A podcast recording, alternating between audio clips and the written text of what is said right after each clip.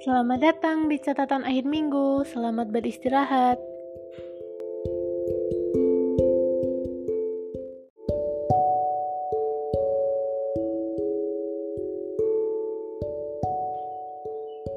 Halo, apa kabar minggu ini?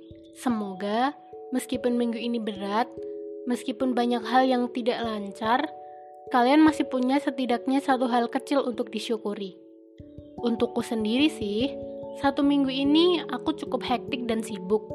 Setiap hari ada saja kegiatan yang mengharuskanku pergi pagi pulang petang. Eh, tapi sebenarnya tidak separah itu juga sih.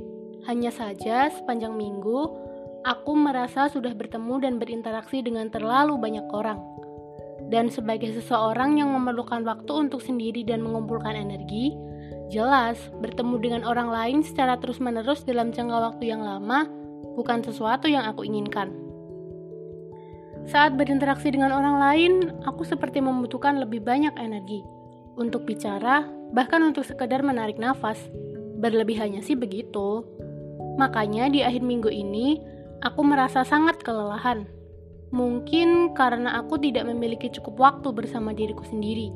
Sampai saat weekend begini pun, aku masih harus keluar rumah, menghabiskan waktu, dan menggunakan energi untuk berinteraksi dengan orang lain.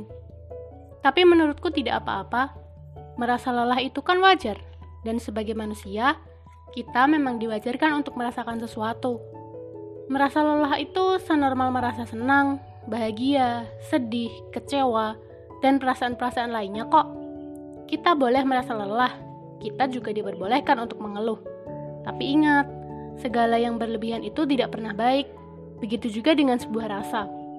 Berlebihan dalam mencinta bisa membuat kita buta. Berlebihan dalam bahagia bisa membuat kita lupa. Maka, setiap rasa harus tetap pada kadar yang secukupnya. Lelah dan mengeluh, boleh saja, asal secukupnya.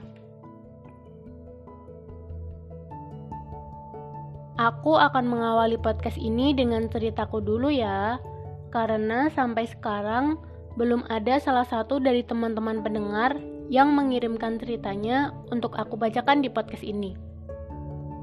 Nah, minggu ini aku melakukan cukup banyak hal yang menyenangkan, atau paling tidak berkesan lah ya.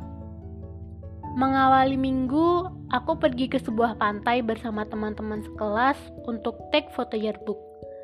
Selama perjalanan ke sana, baik saat berangkat ataupun saat pulang, ada banyak hal yang terjadi di luar dugaan. Lucunya, ini adalah kali pertamaku bertemu langsung dengan hal-hal yang tidak terduga. Sebagai seseorang yang lebih sering rebahan di kamar dan terjebak di zona nyaman, pergi keluar untuk menghadapi kejutan dari dunia adalah hal yang sangat asing. Rasanya seru, meski cukup menakutkan pada awalnya. Tapi satu yang berhasil aku petik dari kejadian yang mengawali awal mingguku ini, bahwa setidak terduga apa pun dunia, sejahat apa pun dunia kepadamu kelak, asal kita tidak sendiri, tidak apa-apa kok. Dulu kupikir petuah bersatu kita teguh, bercerai kita runtuh itu hanya sekadar bualan guru untuk memenuhi standar kurikulum. Minggu ini, dengan sebuah perjalanan, aku ikut mengaminkan petuah itu.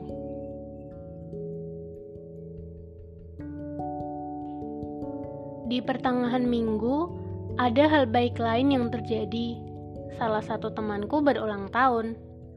Dan meski bukan aku yang merayakan hari kelahiran, tapi aku merasa mendapatkan sesuatu dari kejadian baik ini. Perihal frasa ulang tahun yang dulu sempat aku remehkan. Coba sekarang teman-teman pendengar renungkan sendiri-sendiri. Apa sih yang identik dengan ulang tahun?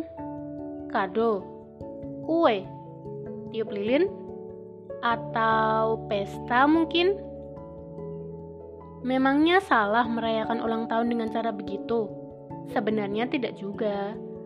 Tapi sebagai seseorang yang pernah sangat sinis pada dunia, aku pernah sangat membenci ulang tahun. Aku benci ungkapan selamat atau juga harapan yang menurutku hanya sekedar bualan formalitas. Jahat? Memang. Aku dulu pernah ada pada tahap di mana aku menganggap doa sebagai sebuah kata tak bermakna. Perihal ini, aku ceritakan kapan-kapan saja ya.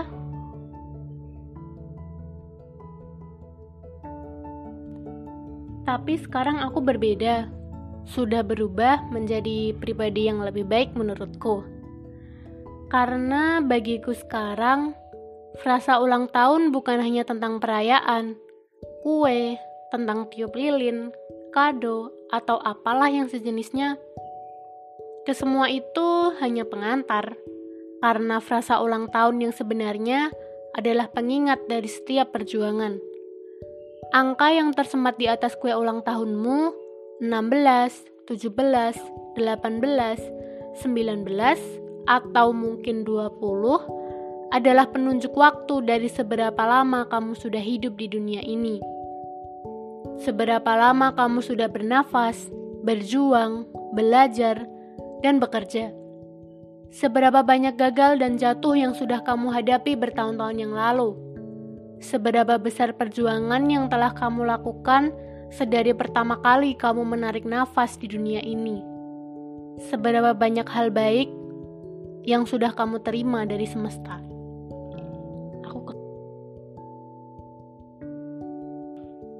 Ulang tahun adalah frasa penyemangat bahwa seberat apa pun besok, seminggu dua minggu, atau mungkin setahun yang akan datang, kamu sudah pernah menghadapi yang lebih berat sepanjang tahun-tahunmu sebelumnya. Untuk teman-teman pendengar yang mungkin akan berulang tahun, atau sedang berulang tahun, atau mungkin sudah berulang tahun pada bulan-bulan sebelumnya, Ayo lanjutkan perjuangan kita. Setelah ini, segalanya pasti akan jadi lebih berat.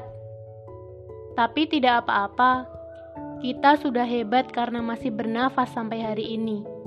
Setiap sedih, gagal, dan kecewamu sifatnya hanya sementara kok. Jadi, ayo kita juga sementara meneguhkan hati. Sementara berdiri lebih tegak lagi dan sementara berjuang lebih keras lagi. Memang tidak ada yang bisa menjanjikan bahwa hari esok akan lebih baik, tapi hari yang baik pasti akan datang.